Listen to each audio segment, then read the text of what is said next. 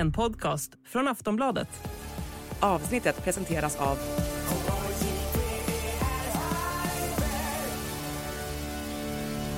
Stödlinjen.se, åldersgräns 18 år.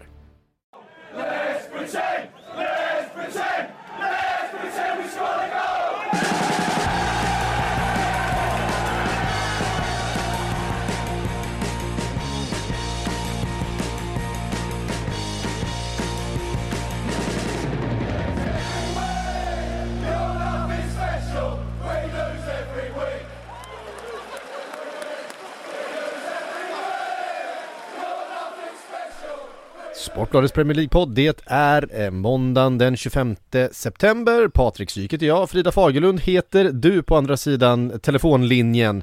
Eh, hemma igen i, eh, i London efter en eh, helg på resande fot. Vi såg det i Sheffield igår till exempel. Ja precis, och Manchester i lördags. Så det blev en mm. liten resa norrut. Men det är alltid, Exakt. alltid trevligt. Fin, fina, ja men fina norra England. Herregud. Där mår man bra. Så är det Ja, absolut. Folk eh, är vänliga och glada och sådär. Så att det, mm. ja, Sen mådde man väl inte jättebra i just Sheffield i, igår. Nej, eh. det, det, gjorde de inte. Ska man Men eh, vi ska eh, ta oss lite längre söderut, även om det handlar om norra London och mötet mellan Arsenal och Tottenham. 2-2 Frida. Eh, Tottenham-supportrarna minst missnöjda med det resultatet, får vi väl ändå säga. Även att eh, i slutändan kändes rättvist tyckte jag. Ja, nej men jag, jag håller med. Arsenal börjar ju matchen mycket bättre, men här kommer väl också skillnaden med Tottenham sett till, ja, vad de är under Postecoglou kontra vad de var under Antonio Conte, Mourinho och så vidare.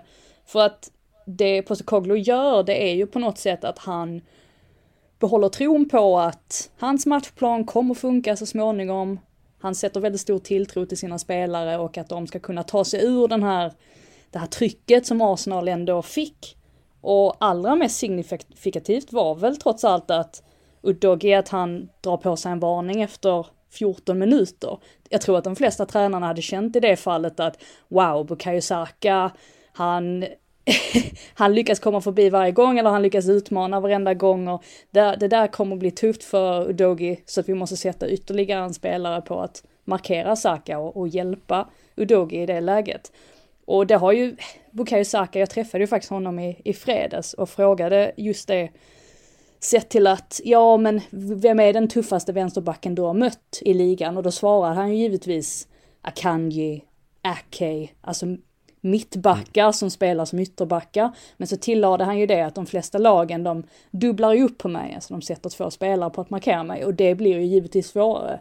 Och ett tag så satt man, när man tittade på derbyt och tänkte att varför gör inte Postecoglou likadant? Men med facit i hand så gjorde han ju helt rätt som behöll tron på att att hans matchplan skulle fungera. Och det är den största skillnaden med Tottenham nu kontra då. De är betydligt modigare och det är inte så konstigt för att det är det ordet, mod, som Postecoglou har, har nämnt sedan dag ett egentligen och genom hela sin tränarkarriär.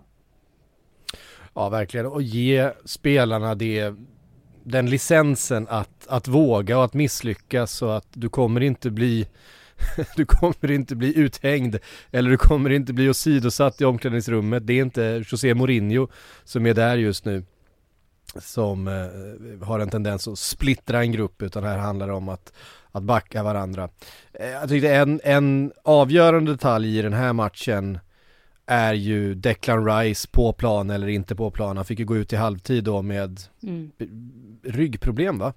Precis. Eh, och in kommer Jorginho som dels direkt är ju orsaken till det där 2-2 målet när han tappar bollen till James Madison. Eh, men också indirekt så tappar ju Arsenal en del av kontrollen på mittfältet när eh, eh, Jorginho spelar istället för Declan Rice. Ja, helt klart. Alltså Rice har ju en fysik som Arsenal drar väldigt stor nytta av. Det vill säga att de vet om att han finns där bakom, att de andra spelarna kan, kan rusa framåt och de hade inte riktigt den säkerheten med Jorginho och sen är det ju olyckligt. Jag fattar knappt vad han gör när han ger bort bollen där till Madison. Det är nästan som att han han klackar undan den för sig själv. Det blir ja, ytterst märkligt. Det är svårt också liksom. säkert för en spelare att ta sig ja, lyckas skaka av sig en sån händelse, särskilt i ett derby också med, med allt vad det innebär. Två mil av Jung Min Son, eh, såklart väldigt viktigt. Han har börjat den här eh, hösten pikt och känns som att han har fått ett lyft verkligen utav eh, Postecoglou. Verkligen och han har ju fått, ja, men han bär kaptensbindeln så att han har ju ännu mer ansvar nu efter att Harry Kane har lämnat. Och jag tycker verkligen att hans relation, eller hans partnerskap med Madison utvecklas till det bättre varje vecka och Madison som ju är väldigt duktig på att prata i de här äh, intervjuerna efter matcherna. Han sa ju just det också att, jag menar, Harry Kane och, och Son, de hade ju utvecklat det här samarbetet under många år, men att Madison känner redan nu att de hittar varandra mer och mer, eller bättre och bättre för varje vecka som går, så att nej, de två ihop är ju verkligen farliga får man säga. Sen tycker jag att en sån som Dejan Kulusevski också gör en, en bra insats, han slår ett par riktigt bra passningar så att nej, just offensiven den har börjat bli väldigt, väldigt väloljad i, i Tottenham men jag tror inte man ska underskatta den heller eh, på sikt. Mm, nej. Borde Dienketia blivit utvisad för tacklingen på Vicario? Vad, vad, vad, tycker du om den egentligen? För att... Jag tycker, jag tycker nog att den är röd alltså. Jag tycker nog att den är röd för att det är, det är ju en brutal satsning. Han är långt från bollen. Och visst, dobbarna träffar inte men han kommer ju och träffar med resten av sin kropp över fotleden. Mm. Jag tycker att det där ska vara rött. Det är ju en tackling i frustration, helt klart. Mm. Och ja, det är ju väldigt dumt gjort. Det var ju ett par dumslut i den här matchen. Om man tänker på hans situationen också, när det blir straff mot Tottenham efter att Romero har ja, han har väl hållit ut handen lite grann i en onaturlig, onaturlig position men samtidigt kan jag hålla med Postecoglou om att ja, men vad ska man göra som mittback om man kastar sig fram på det sättet som Romero gör, då måste man ju på något sätt vinkla armen lite grann.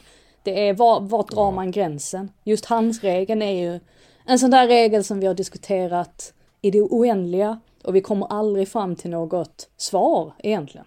Nej, jag, som, som ni vet så tycker jag ju att det nästan aldrig ska bli straff för hans i, Nej, i straffområdet. Um, den här tycker jag ändå är mer befogad för att han stoppar direkt ett mål med med handen, även om det, det, är inte med flit. Jag tycker ju som, som generellt, och det är det här som är problemet, jag tycker som regel att det alltid ska vara uppenbar eh, liksom avsikt, att det ska vara med flit. Eh, tar du bollen med handen så ska du bli avblåst och är det i straffområdet ska det bli straff om du liksom gör det. Eh, men men ofrivilligt, det kan du liksom inte styra över, bollen studsar upp på din hand, det kan du, det, det blir bara slumpen som avgör. Men i det här fallet, när handen flänger lite grann och den faktiskt stoppar bollen från att åka in i mål. Då känner jag nog ändå att det där ska nog vara straff. Jag, jag, och det är ju det som, där blir ju liksom så här, ja men då ska jag gå ifrån min egen regel då. Eh, om, jag, om jag då säger att regeln ska vara att det ska vara med flit varje gång, ja men då ska det ju inte vara straff. Samtidigt sitter jag här och då säger emot mig själv. Det här är ju problemet med hans regel, att det går inte att skriva, det går inte att skriva en, en, en regel för alla situationer som blir bra, konsekvent och, eh, och möjlig att, eh, att genomföra på ett sätt som alla eh, är överens med. Det, det är ju bara så, här blev det straff och ja, eh, jag, jag, jag, köper båda sidors argument här. Eh, men med tanke på hur eh, straffarna har dömts och hur regeln ser ut, då tycker jag ju att då är det definitivt straff. Då, då, det är ju mer en för det, det finns så pass mycket avstånd mellan, mellan handen och vart bollen kommer ifrån och sådär, det tycker jag. Och fick, och ja. fick Wolves straff mot sig i Luton under lördagen så vore det ju faktiskt konstigt att inte blåsa straff på den situationen på det. Ja, exakt. Den tycker jag ju är tveksammare. Men ja. Eh, Håller med. Eh, ja, vi kommer till den också. Eh, hur som helst, 2-2. Eh, det är såklart det är två tappade poäng för Arsenal som vill hänga med Manchester City i toppen där samtidigt. Eh, det är de här, de här matcherna, det är, det är delad poäng. Ehm, jag tror att det är ingen som åker därifrån och känner att här, här tog säsongen slut på något sätt. Oh, men det, det var en väldigt underhållande poäng. match, en bra match. Ja, fyra poäng upp till Man City ändå. Det, mm. det är ju ett oändligt avstånd sett till att det är City som har tagit det försprånget. Så att jag tror väl, eh, jag tror väl ändå att Arsenal-supportrar känner att det här var en, en missad chans, att det ändå är två förlorade poäng. Jag tror att hade Arsenal varit lite mer effektiva där i första halvleken framförallt, då hade de kunnat vinna den här matchen. Men nu blir det lite grann som att det är Tottenham som åker därifrån med stärkt självförtroende eftersom att de lyckades komma tillbaka i matchen två gånger om. Vi har fått frågor här om eh, Sakas målfirande. Eh, han kastade lite dart då som en pik till eh, James Madison. Eh, var på eh, Madison fick frågan, frågan efteråt vad han tyckte om det så svarade han, ja Han stod väl fortfarande där och, och kastade dart när jag snurrade upp honom för 1-1 målet. Ja, det är väl lite roligt ändå, det ska ju vara lite rivalitet. Man blev nästan lite orolig när man såg Saka sitta bredvid Son under, alltså front row på London Fashion Week en vecka innan de skulle drabbas samman på det Emirates. Det är så snälla killar. Det, det är, är så snälla killar. killar. Jag, jag finns... gillar det faktiskt. Jag, ja. jag tycker man ska inget, ha... Det finns inget ont i de här. Nej, alltså, man ska ha lite Saka banter. och Heung-Min Son. Precis, det ska vara lite oskyldigt banter på planen ja. och sådär. Jag, jag, jag, tycker att det är, det är faktiskt fint att se. Sen är det inte första ja. gången som Saka snor en eh, målgest om man säger så. Han gjorde ju samma sak mot Marcus Rashford så att det är väl en sån där grej han har att han eh, gärna imiterar sina landsmän. Mm. Eh, vi tar oss vidare därifrån då till Sheffield och matchen där du, som du besökte igår. Eh, 8-0 till Newcastle. Åtta olika målskyttar. Det är första gången det händer i Premier League det. ja, jag frågade Eddie Howe också om det var första gången han hade upplevt det. Han sa att ja, jo, det har nog aldrig hänt tidigare att det har varit åtta olika målskyttar. Och eh, jag ska vara ärlig och säga att under första halvleken så kändes det inte som att det skulle bli sådär. Jag tyckte att Sheffield United, jag tycker de startar matchen bra, fram till egentligen, ja, Newcastle får ju sitt första mål där efter drygt 20 minuter. Och det var ju också, det var väl inte kontroversiellt så tillvida, men bollen studsar upp på Gordon som tar bollen precis innan den hinner rinna över kortlinjen och spelar in den. Men eftersom att det är Gordon som spelar in den, det är inte han som gör målet, så blir ju inte målet bortdömt. Det var ju Longstaff som stod för det första. Och sen var det som att det bara rullade på därefter för Newcastle. Ja. Att, ja, de öste in, ja men 2-0 ganska snabbt där. Bön som sliter sig loss från Anel Ahmedhodzic och eh, får in tvåan. Och så kommer trean tio minuter, eller fyra minuter efter det. Sven Bottman var det väl. Um, och sen bara, ja i andra halvlek så är det ju en total kollaps från Sheffield mm. United. Och för varje mål i andra halvleken, desto fler reser sig upp och lämnade Bramwell Lane. Så det var verkligen sådär, ja nu kom ett till mål och så reser sig 50 pers upp och gick. Och sen till slut så var det hur glest som helst på läktarna förutom då de tillresta supportrarna som ändå var ett väldigt stort gäng.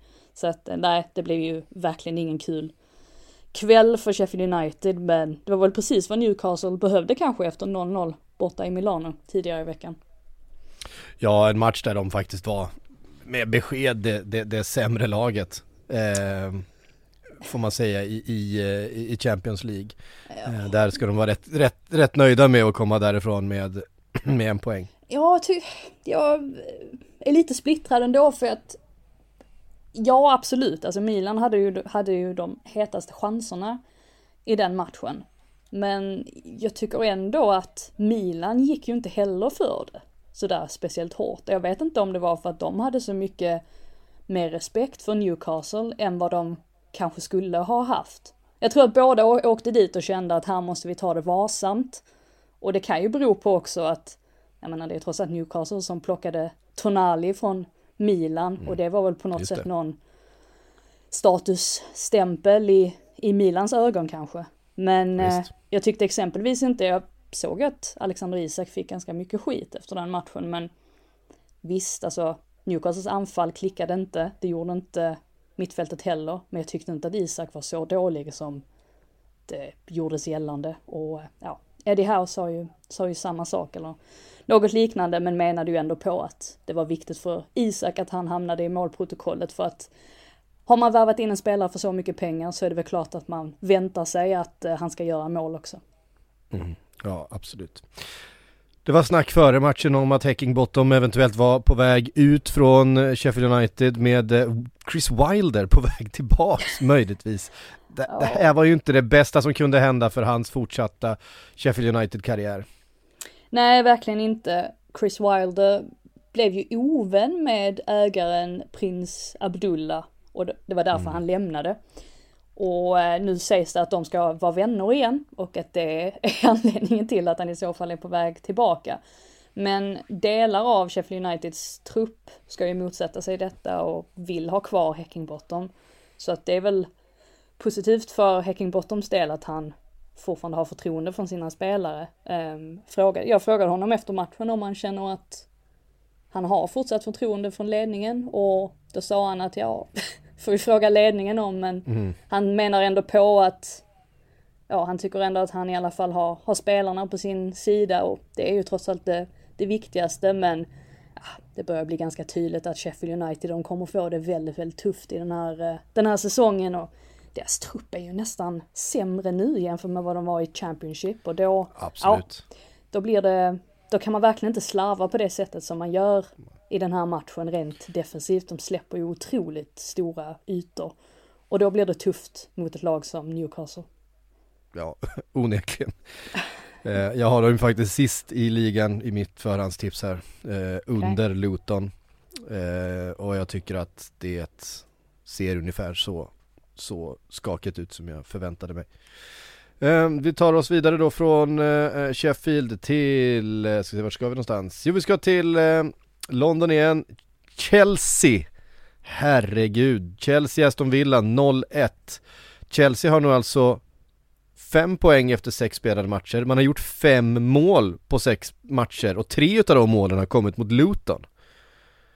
Ja. Nollade igen, eh, rött kort på Malo Gusto efter en pigg inledning utav Chelsea. De såg ju, de såg ut som att här kanske det händer någonting. Men eh, ett par missade chanser, eh, Jackson borde gjort något mer utav den där fina muddrukpassningen eh, och så kommer det röda kortet och jag menar Aston Villa är bra Det är liksom inget, det, det är ett lag som straffar dig om du inte tar vara på dina chanser eh, Ja och när de tappade det övertaget de hade, de tappade eh, den, den, pressen och liksom hela formen på laget. Caicedo fick väl gå ner och spela högerback efter det eh, så var det liksom inte mycket mer eh, Chelsea hade att ge och det var, vart till slut Aston Villas tre poäng eh, att plocka och det gjorde de. Olly Watkins med första målet för säsongen. Ja, har vi hört den förr eller? Att Chelsea har börjat en match bra och eh, har en massa chanser och sen lyckas de inte konvertera dem. Det är, mm -hmm. det är samma gamla historia. Den här historien har ju hållit på hur länge som helst. Men ja, det kan ju, det kan ju återigen bero på att man har värvat in många nya spelare och man inte riktigt, riktigt har klickat då på den sista tredjedelen än. Sen måste man ju nämna en sån som Nicholas Jackson. Jag tycker ju att han är rätt så spännande, en spännande anfallare trots att han inte har gjort sådär värst många mål sedan han kom till Chelsea. Men att han drar på sig sitt femte gula kort och är alltså mm. avstängd i nästa match. Och det är sådana löjliga gula kort man har dragit på sig och det sägs ju till och med att Pochettino ska ha tagit honom åt sidan under en träning tidigare i veckan inför den här matchen och sagt åt honom att du, du kan inte ta på dig så billiga varningar för det kommer skada laget. Och så gör han det ändå. Jag menar, det säger ju något om det här att det saknas disciplin också i Chelsea, mm. att det är många unga spelare och att det saknas ledare framförallt, alltså mer rutinerade spelare som kan kliva fram när det tryter. Och just nu tycker jag verkligen att det saknas i Chelsea. Så att nej, även om de försätter sig i en jobbig sits här när Malugusto åker ut så måste man ju på något sätt ändå säga att det är rätt så få spelare i det laget som kliver fram och tar ansvar och det är ju ett väldigt stort problem. Och det är också sådär, alltså det röda kortet han tar där, Malagusto, det, eh, eh, som jag tycker har, sett också eh, pigg och spännande ut under säsongsinledningen här. Ehm, men det, du får inte, alltså det, är, det är så klantigt att gå in på det sättet i, i den tacklingen mitt på plan.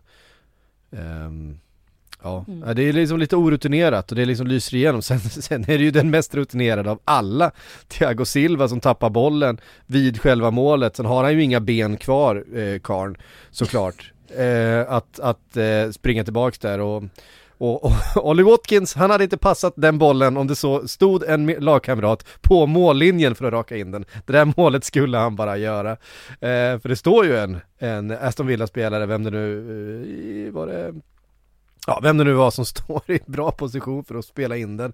Eh, men han tar ett skott och det blockas och det andra skottet går in och, och viktigt för honom att komma igång. Eh, ja.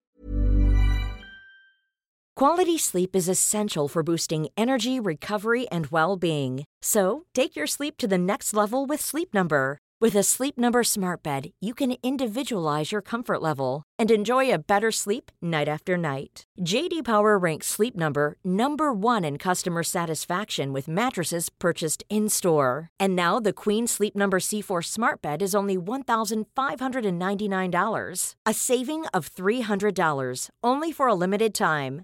For JD Power 2023 award information, visit jdpower.com/awards. Only at Sleep Number stores or sleepnumber.com. Jag tycker att Oddy Watkins, så som han har spelat de senaste säsongerna, är en av ligans absolut bästa anfallare.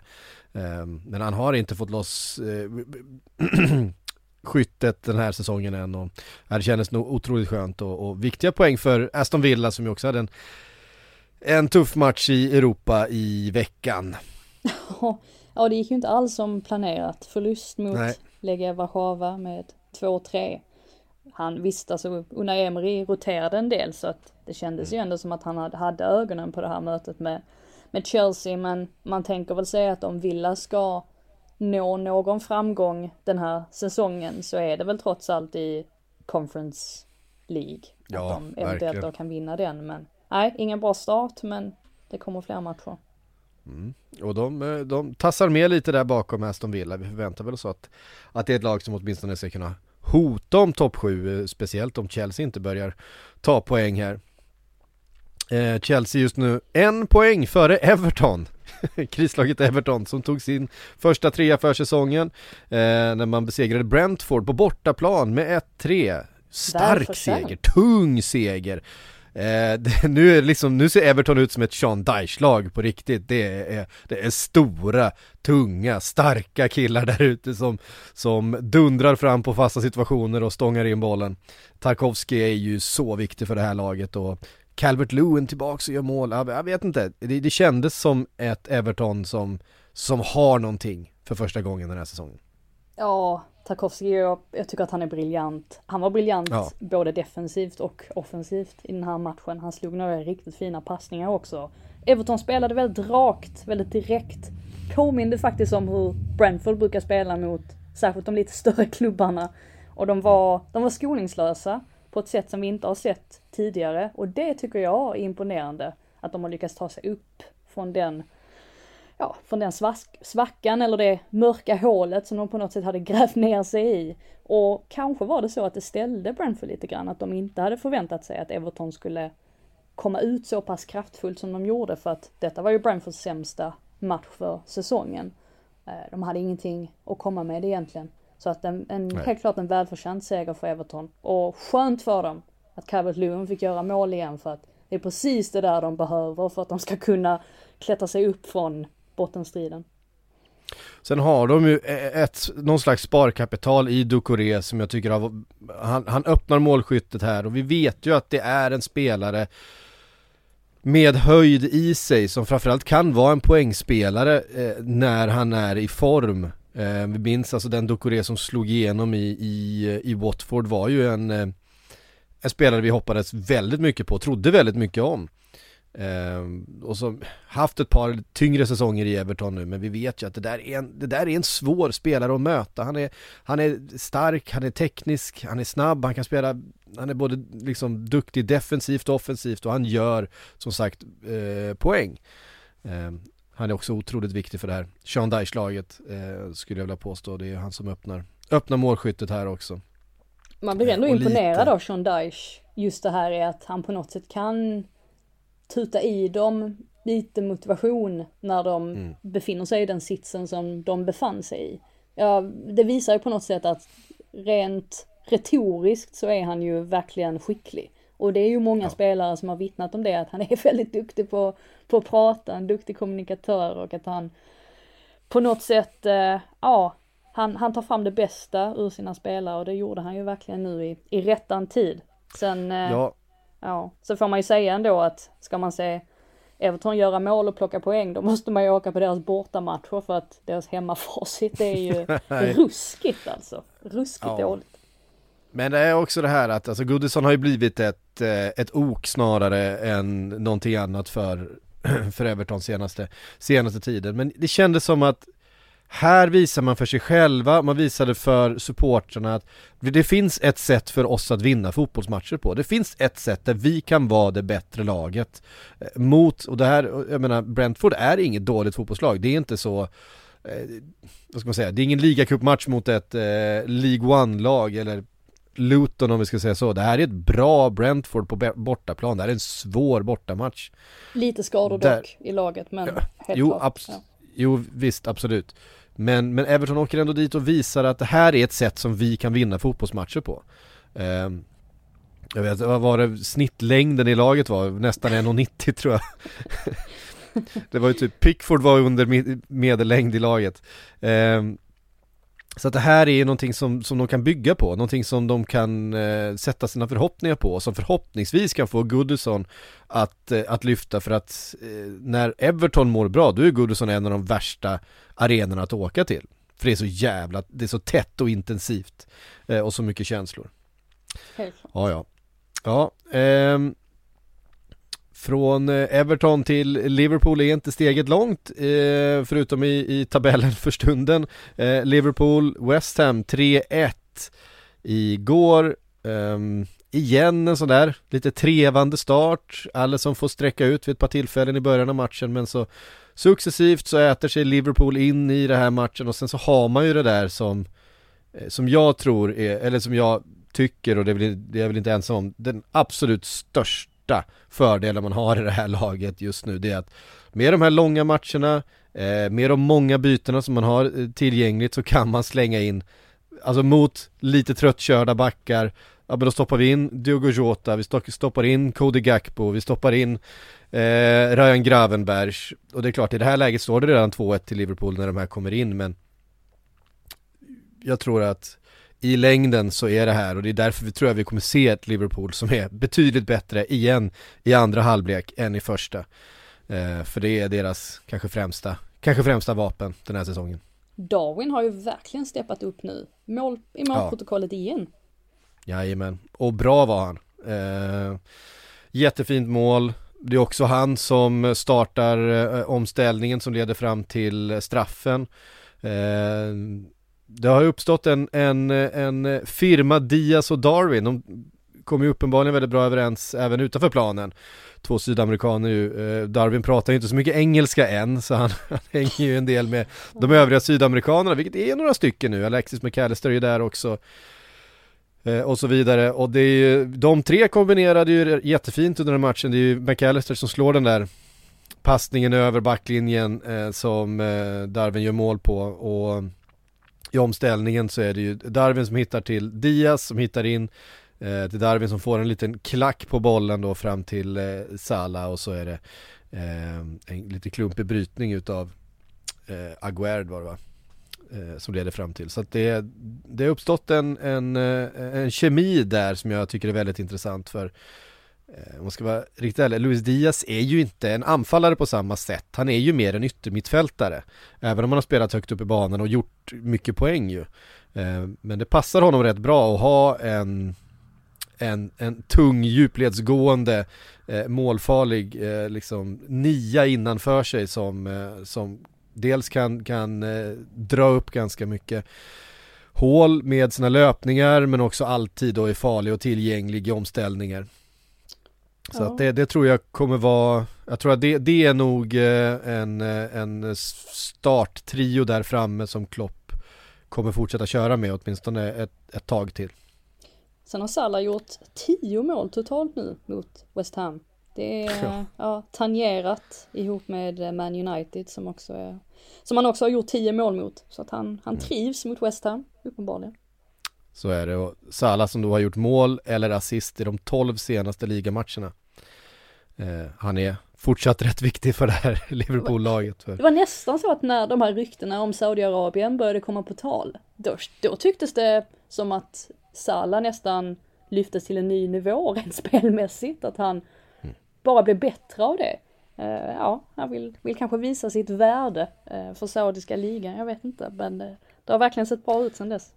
Ja, nej men han vill, han, han, han, drivs ju väldigt mycket utav, han är lite sådär Cristiano Ronaldo i det, att han drivs ju väldigt mycket utav eh, individuella priser också. Han vill ju vinna skytteligan, han vill bli en legend, han vill, du vet, eh, för sin egen skull ganska mycket också. Det, det, har han väl aldrig stuckit under stol med att, att eh, han är sån. Eh, och han känner nog kanske att det här är väl eventuellt sista säsongen i Liverpool och, och den sista chansen att göra det där avtrycket som han, eh, som han vill göra. Eh, jag tror, han... ja.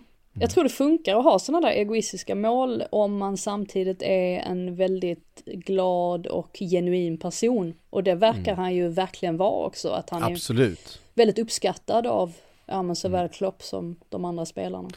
Nej men han är ju en ganska liksom, eh, han är alltid i centrum, att, alltså tittar man på så här träningsvideos och grejer från eh, träningsläger och sådana saker så är han ofta liksom i centrum och skojar mycket och är väldigt bra kompis med många och, eh, och sådär. Så att han är ju en, en, eh, en, en extrovert på det sättet. Eh, många av de här individualisterna har ju en tendens också att vara lite introverter.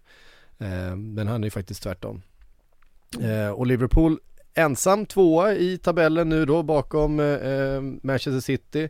Två poäng bakom eh, är man efter att eh, Arsenal och eh, Tottenham då tappat eh, två poäng var i din, eh, den jakten och frågan är hur länge, hur länge Liverpool kan, kan hålla eh, takten där bakom.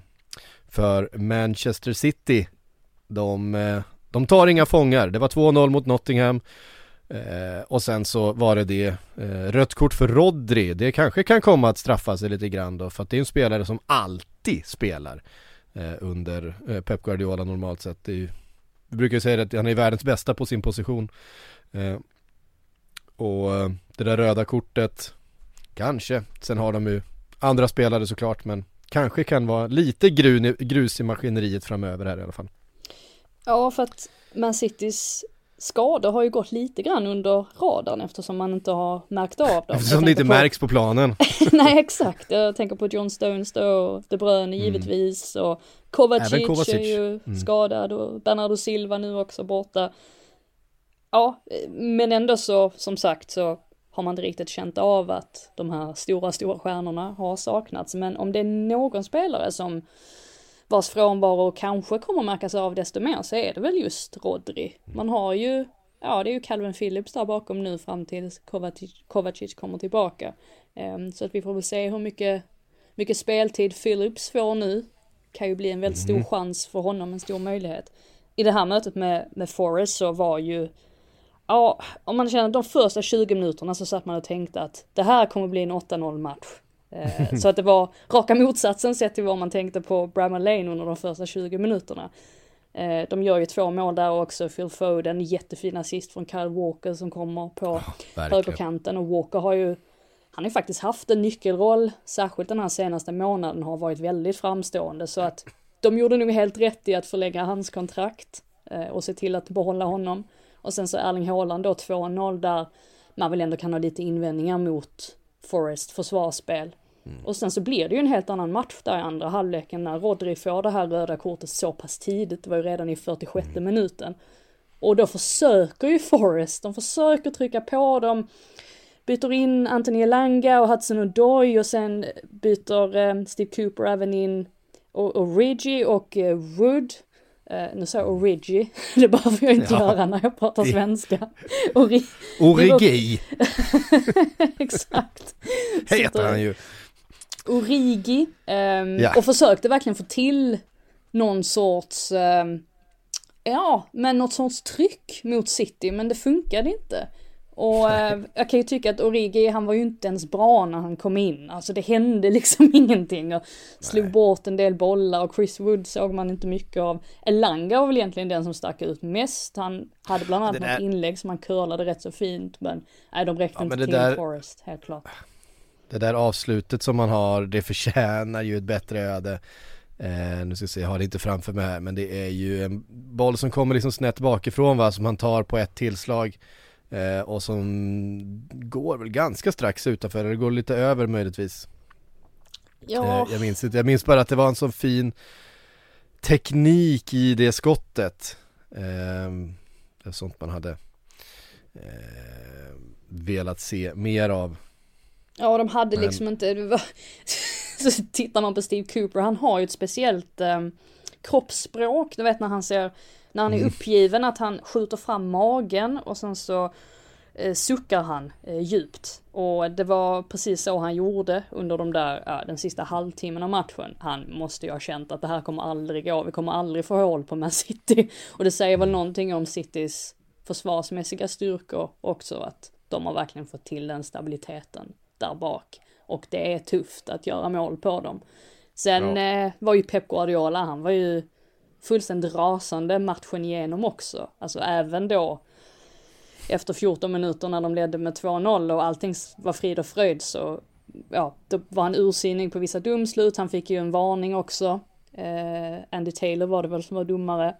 Och eh, ja, nej, han var inte nöjd med eh, domarinsatsen så att säga, men jag tror att allra mest missnöjd var Fast- han just med Rodris röda kort. Ja fast det, jag menar, han tar ett stryptag på motståndaren. Ja, ja, det Visst var han att- inte. det är klart att hade Gibbs- han inga, det hade han inga Nej. invändningar mot. Men han var ju Nej, missnöjd över att Rodri försatte sig i den positionen. Ja jo, det att ska han ju vara. händerna. Ja. Sen, Sen, var så det kan väl man lite, väl, alltså, sen var det lite karma för att jag menar, det finns väl ingen som har kommit undan med så mycket skit som Rodri. Eh, utan att aldrig, det är hans första utvisning. Så, sen, sen han kom till Manchester City. Sen varför, varför slänger sig Gibbs White som han gör? Det, det kommer han- ändå att- bli rött kort ju. Jag Var vet kommer inte. ändå titta på det ju. Ja, jo. Men jag är inte säker på att det blir rött kort om man inte, om man inte kastar sig. Även eh, med VAR. Det tror jag nog. Det, jag vet inte, det blir lite... Ja, jag, vet, jag, jag håller med om att det är fånigt. Ja, ja, det är klart det är. Men eh, samtidigt, det var mission accomplished. Eh, och eh, nu är det väl, eh, jag vet inte vilka matcher de har, jag, vet i alla fall att det innefattar eh, matchen mot Arsenal. Eh, som de har om två omgångar här och sen så är det en ligacupmatch. Eh, Precis, mot Newcastle. Ja, Så att det är ju så bra att den där för dem. Den där Arsenal-matchen är ju den som blir väldigt, väldigt spännande för där, där måste ju Arsenal, om man ska hämta in någonting, om man ska kunna utmana den här säsongen då, då behöver man nog nästan ta ja, minst en poäng. Eh, och det är klart det är betydligt lättare om Rodri inte är där. Helt Mm. enkelt. Ja, de får hoppas att de har Declan Rice tillbaka, att hans ryggskada inte är speciellt allvarlig.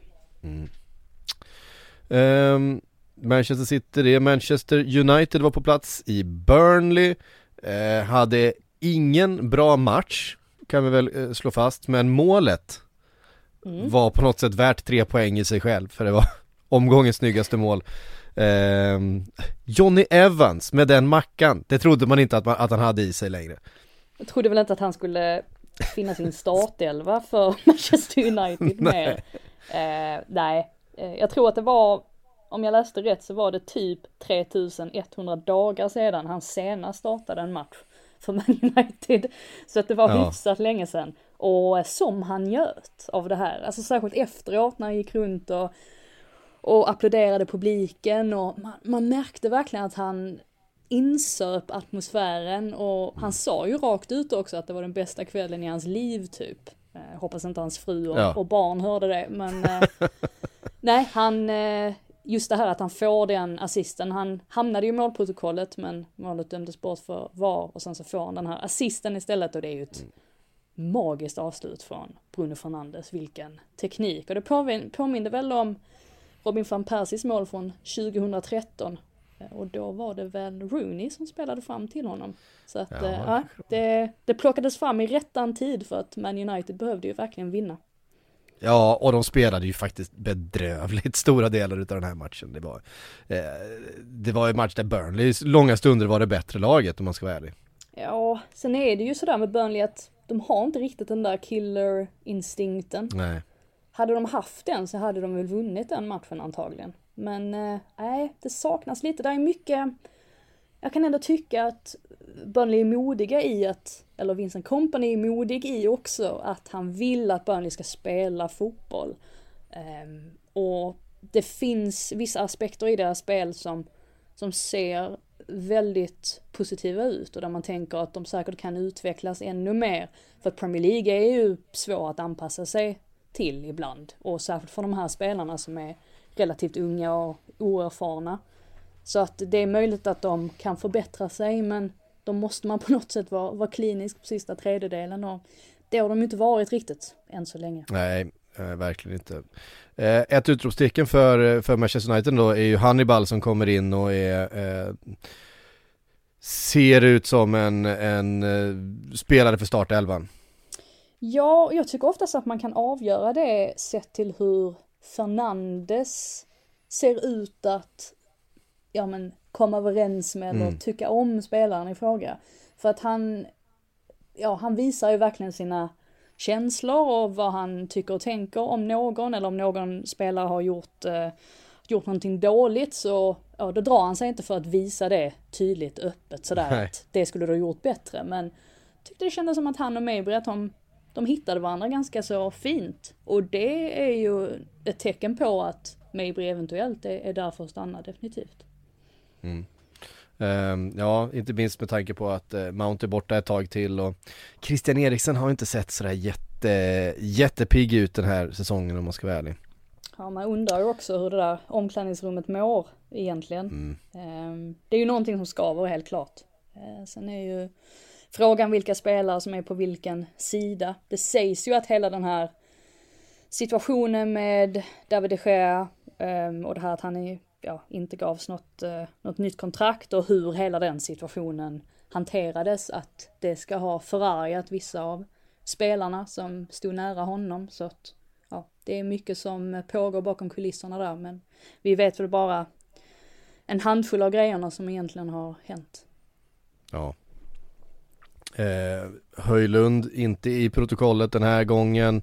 Eh, hade det lite kämpigt mot eh, eh Burnleys backar men men han är där och han, han, han är liksom närvarande, det, det, låter som en, mm. det låter som ett underbetyg men det är det inte. Alltså, eh, det som är svårt i ett sånt här Manchester United som inte riktigt klickar, som inte funkar, eh, det är ju att, att inte försvinna i matchbilden när det är mycket, mycket sidledsspel, det är mycket kamp om boll, det, det är liksom, när det går trögt, eh, då är det väldigt lätt att som, som ensam nia försvinna lite i matchbilden och det tycker jag inte ändå att han gör.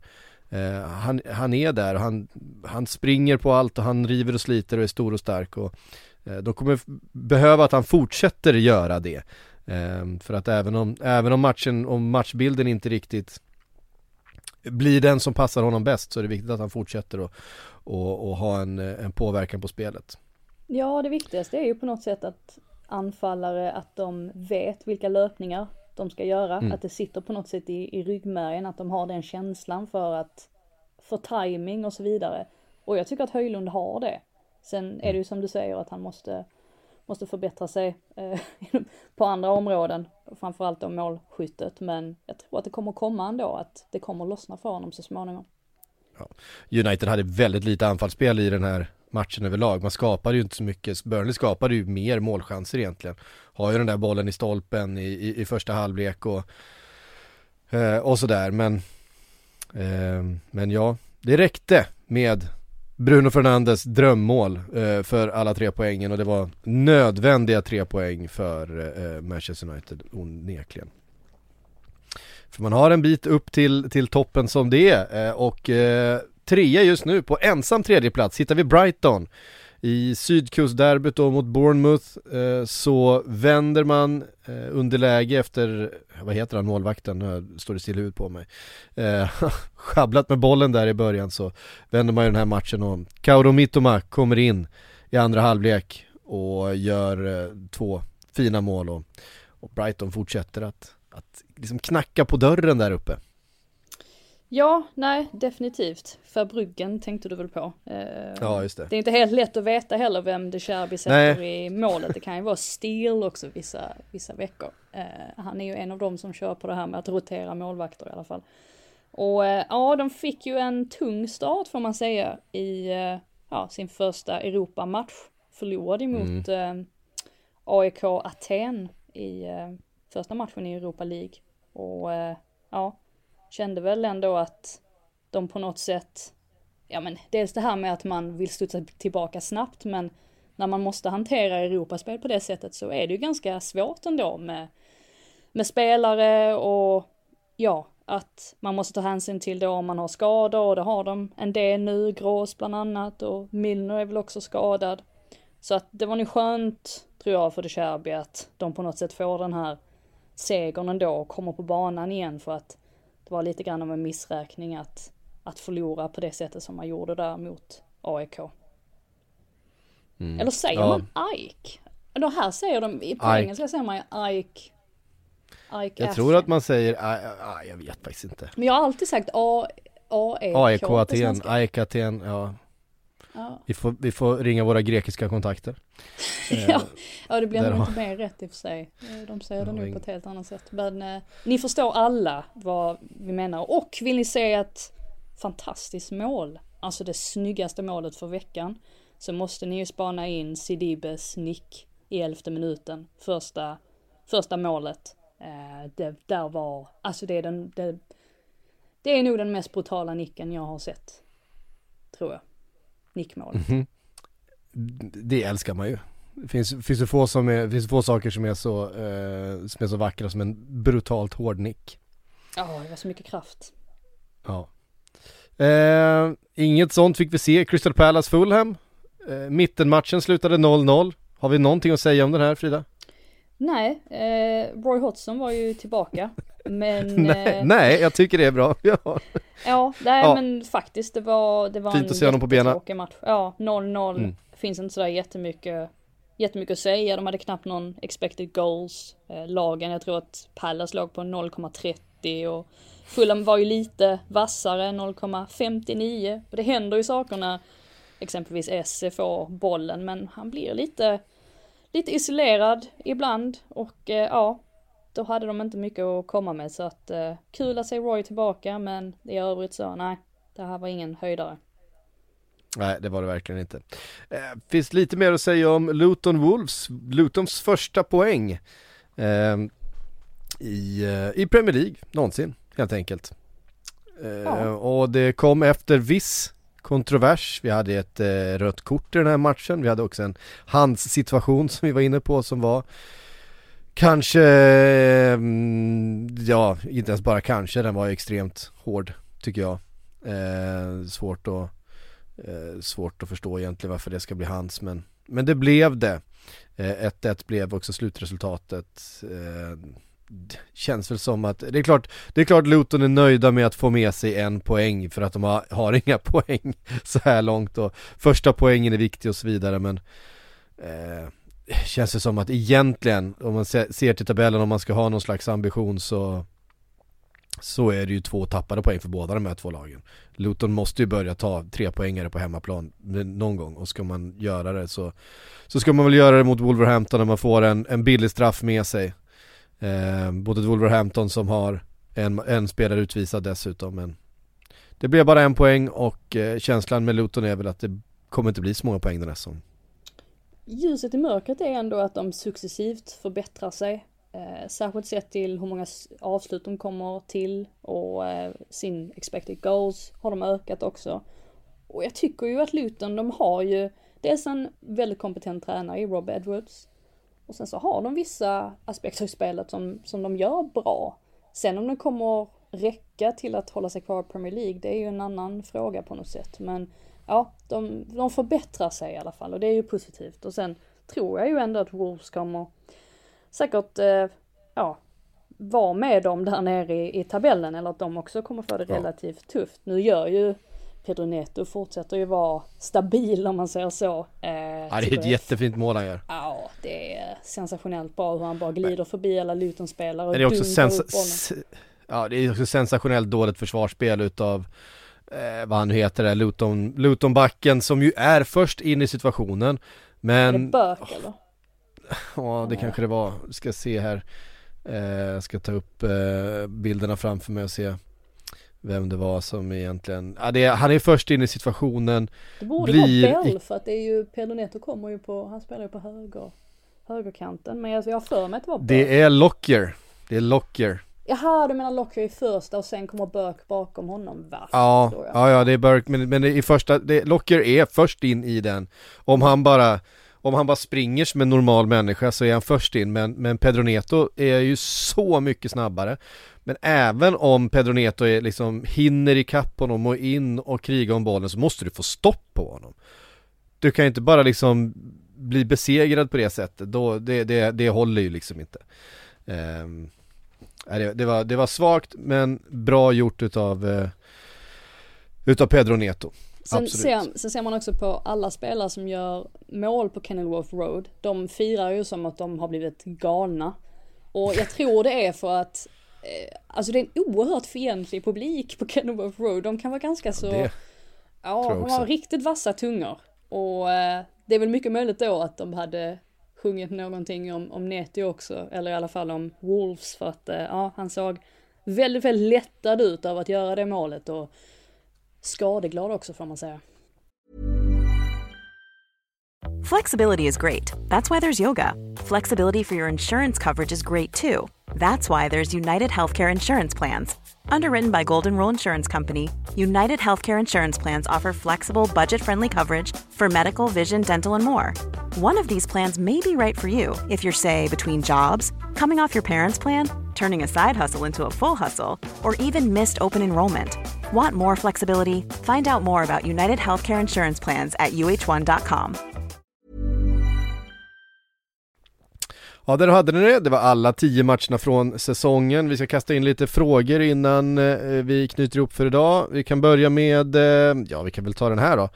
Eh, Oliver Johansson skriver snabb preview om Tottenham mot Liverpool nästa helg. Gärna något ord om eh, Madis, att Madison tystade Saka. Ja men det har vi, det har vi nämnt. Men Tottenham-Liverpool nästa, nästa vecka är ju väldigt, väldigt spännande för att det är, det är svårt att se hur den matchen ska, ska gå för att det finns uppenbara brister försvarsmässigt hos Liverpool och det är precis de här eh, typen utav, eh, utav hål som finns i eh, backlinjen hos Liverpool som till exempel Madison, Jungmin Son, firman där eh, är skickliga på att utnyttja.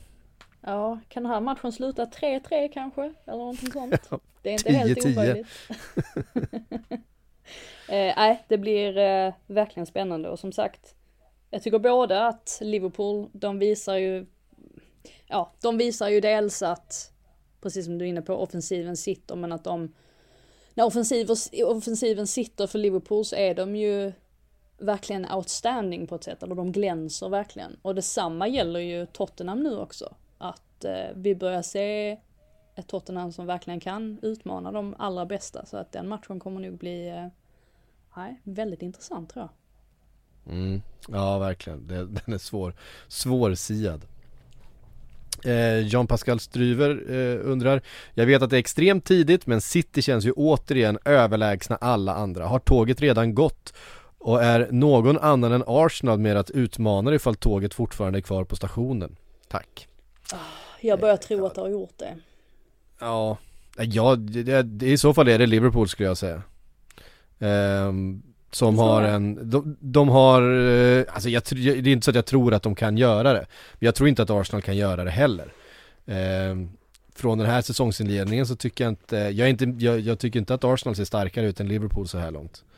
Ehm, Lite bättre defensivt däremot- dock. Även om Ja, de hade bet- vissa problem mot Tottenham. Men eh, Eh, absolut bättre, bättre defensivt men eh, ehm, nej, men som sagt jag tror att problemet för, problemet för Liverpool är att man har, man har höjden eh, men har man, har man lägsta nivån det är väl det som eh, är frågan. Jag tror att det här är, det här är lag som kan få ihop ganska många poäng den här säsongen. Men jag ser liksom, som det är just nu så hur, hur, alltså Manchester City just nu skulle kunna slå ett jävla poängrekord liksom. Eh, trots skador och trots allt de har och trots att de normalt sett börjar säsongen lite, lite avvaktande och trögt. Vilket det känns som att de, de har inte förtagit sig nu heller. Så har de ju inte varit nära att förlora några poäng så här långt. Um, så att ja.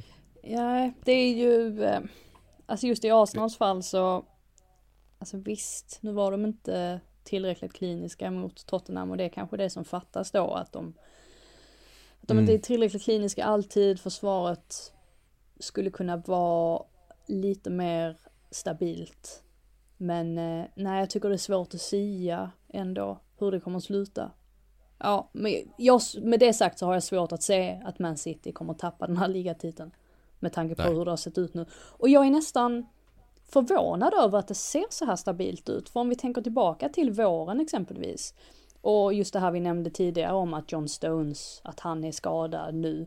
Han var ju på något sätt vital för att Man City skulle kunna ta sig ur ja, den här lilla svackan de hade eller, eller hur man nu säger. Där de ändå kanske inte riktigt fick till spelet. Då var det han som var nyckeln i det hela. Och nu på något sätt så funkar det ändå och de, varenda nyförvärv som kommer dit bara smälter in direkt i laget som Duku exempelvis som har fått göra ett par matcher nu och Nunes mm. spelar i, i den där matchen mot, eh, ja i helgen mot Forest. Så att, eh, nej, nu på något sätt så har Man City hittat ett nytt sätt att vinna matcher på. Det är väl det som är grejen med dem, att det hela tiden kommer no någonting nytt. Och just därför så är de så svåra att stoppa också. Mm. Ja, verkligen. Sebastian Johansson undrar Varför har Lindelöf inte ett ö på tröjan när Höjlund har sitt danska ö? Ja, därför att han kanske vill sälja några i tröjshoppen eh, Exakt. kan, ju vara, kan ju vara en förklaring eh, De kunde ju alltså inte sälja Rasmus Höjlund eh, tröjor för att de hade inga, inga danska ön att trycka på tröjorna eh, i klubbshoppen Det har de väl ja. löst nu tror jag Men va, jag vet inte ifall det är så att Lindelöf vill ha en lite mer internationell touch Oh, han, är han är ute i den stora vida världen och spelar fotboll. Sander Berge, ja nu har, ju, nu har ju du också tittat på den här eh, presentationsvideon som eh, vi pratade om. Jag ryser hela kroppen när, eh, när jag ser honom uttala det börs eh, Eller hur det nu han förstör ju för dig, framförallt, framförallt förstör han ju för dig som då ska umgås med en massa, med en massa britter hela tiden och försöka förklara för dem att ni uttalar alla de skandinaviska namnen fel. Så här ska man göra. Ja, eh, och så kommer han själv och... Liksom. ja, men jag vet att du gör det. Ja, särskilt med eh, Håland har jag ju lärt ut, nu säger jag det ju på skånsk-svenska liksom, så att det är mm. inte som att jag, jag pratar inte flytande norska direkt, men Håland har ju ändå försökt att eh, implementera i de engelska journalisterna, alltså hur de ska uttala så att det inte blir Har Harland. Ja, ehm. Men där är ganska enkelt tycker jag, för det är bara om du säger åt en, en, en engelskspråkig, så istället för det andra A byt ut det mot ett W, så får du ett ganska bra uttal. Ah, ja, det så var det blir... smart tänkt. Ja. Ehm, då får du, då får du Håland. Eh, och då kommer, det, då kommer det vara typ rätt. Och sen är väl på norska är väl det nästan tyst va? Tror ja, det, det blir Håland. Ja, precis. Eh, i, men, men det behöver man inte ta så stor hänsyn till. Nej, sen, eh, uttal, uttalar det rätt på svenska så är vi nöjda. Ja, eh. precis. Och sen så att man säger, man, man säger ju aldrig, aldrig Alexander Isak, utan man är alltid så här Alexander Isak, att man eh, verkligen markerar att det är så ja, vi säger det, i Sverige. bra. Och så kommer Sander Berg och gör sådär. Ja, ja precis. Bedrövligt. Um, Jimmy Stråle undrar, är Kai Havertz den mest meningslösa spelaren i Premier League om man tar in prislapp och status? Är han Premier Leagues Morata? Alltså ni, ni får snart kliva ur Kai Havertz-båten alltså, för jag har klivit ur den för länge sedan Nej du kan uh, inte, vi, du, du vänder verkligen kappan efter vinden Man kan nej, jag, bara... har, jag har inte suttit i Kai Havertz-båten sen, jag har det. alltså Nej, det, du blandar ihop med Makoto nu Makoto nej, är, är, hans, nej, det är Makoto som ror eh, den här Havertz-båten. Jag har inte suttit i den på länge. Jag tycker att Kai Havertz har potential och jag satt och höll en tumme för att han skulle få göra ett mål mot PSV där Arsenal var så otroligt dominanta.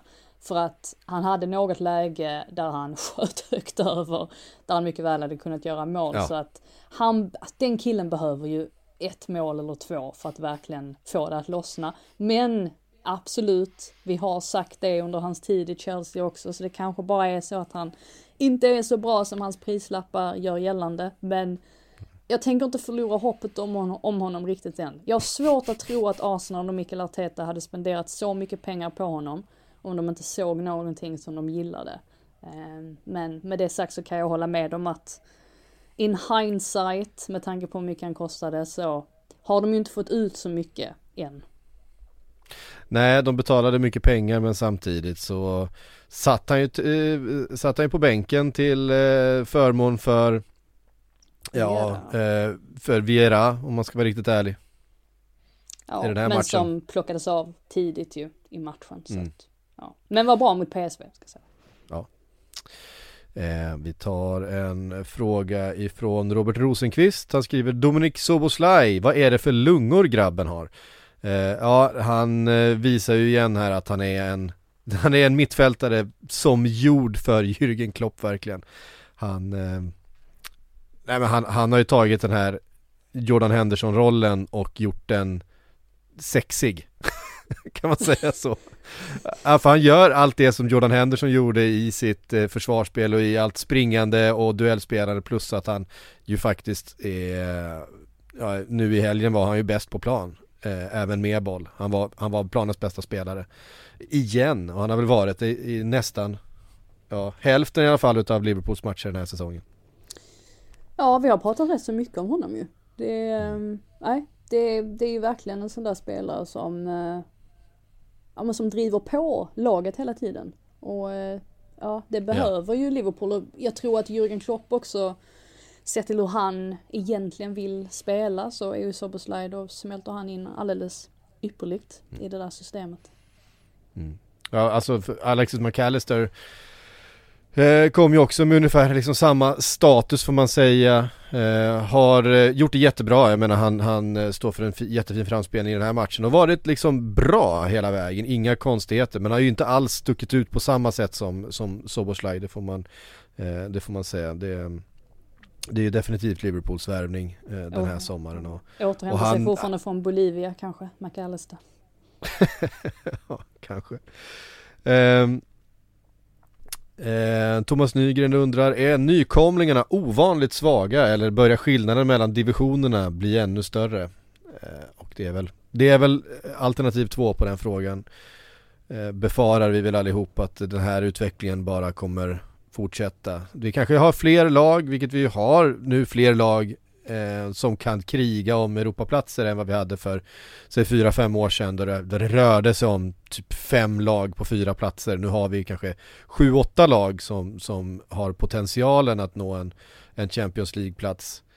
Men däremot de lagen som har kommit upp från, från Championship i år, det är ju eh, eller den här säsongen, det är ju uppenbart att det är eh, lag som kommer som har väldigt, väldigt svårt att hävda sig i Premier League. Ja, jag tror att det är en kombination och um, framförallt då om man har varit uppe i Premier League tidigare och fått ta del av pengarna eller som man i Lutons fall kommer upp ja, för första gången i Premier League och inte har de ekonomiska mus musklerna som krävs för att hänga kvar. Um, så att det är på något sätt antingen så måste du redan ha pengar när du kommer upp och se, se till att spendera dem som ju faktiskt Nottingham Forest gjorde och till slut fick utdelning för det. Det såg ju riktigt eh, riskabelt mm. ut där ett tag men de lyckades ordna upp det och har ju på något sätt ändå stabiliserat sig nu i, i Premier League. Alternativt att man får göra som Brentford som inte heller har en särskilt stor budget eller eller Brighton då också givetvis, att man istället ser till att vara oerhört skicklig inom alla områden och lyckas hitta de här guldkornen ute i Sydamerika och andra kontinenter.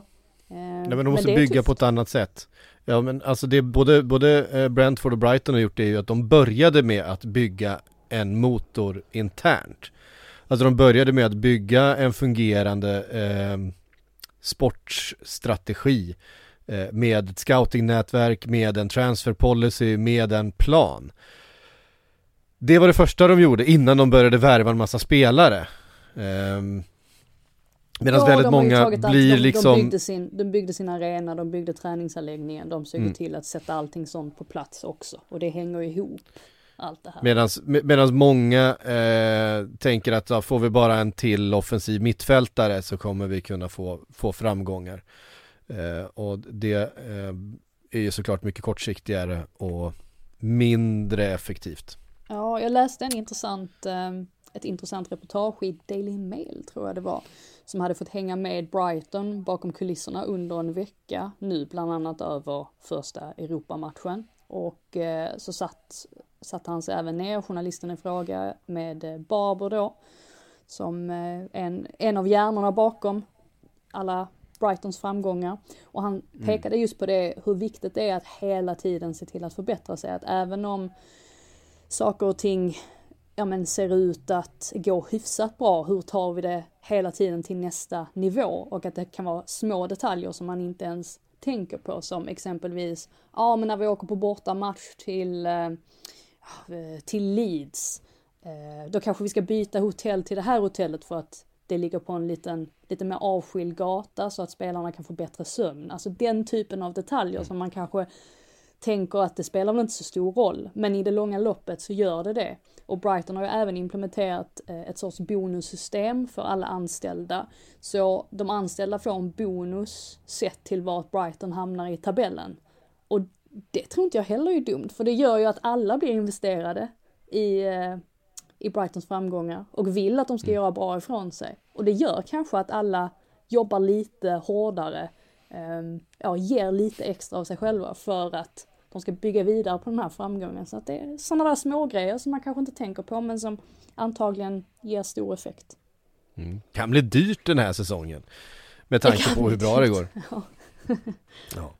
Nej men det där, det där tycker jag man ska ha med sig. Jag menar vi har ju sett Chelsea byggas om och byggas om och byggas om här nu under eh, de senaste transferfönstren och det har ju kanske ägnats, om det hade ägnats lika stor energi och kraft och pengar åt strategin och strukturen där bakom eh, så kanske man inte hade haft en av världens bästa managers som sitter och undrar vem är det nu vi har värvat eh, på presskonferenser eh, och mm. spelarna aldrig hört talas om. Som ju faktiskt var fallet vid tillfällen i, i, i somras. Vilket på något sätt är raka motsatsen mot det eh, till exempel eh, Brighton och Brentford har gjort. Och så kanske man ska inse att det hjälper inte att som ägare att gå in i omklädningsrummet efter matchen. Jag förstår inte riktigt vad man vill få ut av det. Alltså vill man tuta liv i spelarna? Vill man hota dem? Jag, jag vet inte riktigt. Jag, jag, tror inte på det där att ägarna ska springa in i omklädningsrummen. Eh, tror inte att det ger någon effekt alls överhuvudtaget faktiskt. Nej. Hörde ni, det var allt vi hann den här måndagen. Eh, nu är det lite ligacup i, i veckan och sen så är det full omgång då till eh, helgen och så är vi tillbaks nästa vecka igen. Ni vet hur det funkar. Men tills vi hörs igen säger vi på återhörande. Du har lyssnat på en podcast från Aftonbladet. Ansvarig utgivare är Lena K Samuelsson.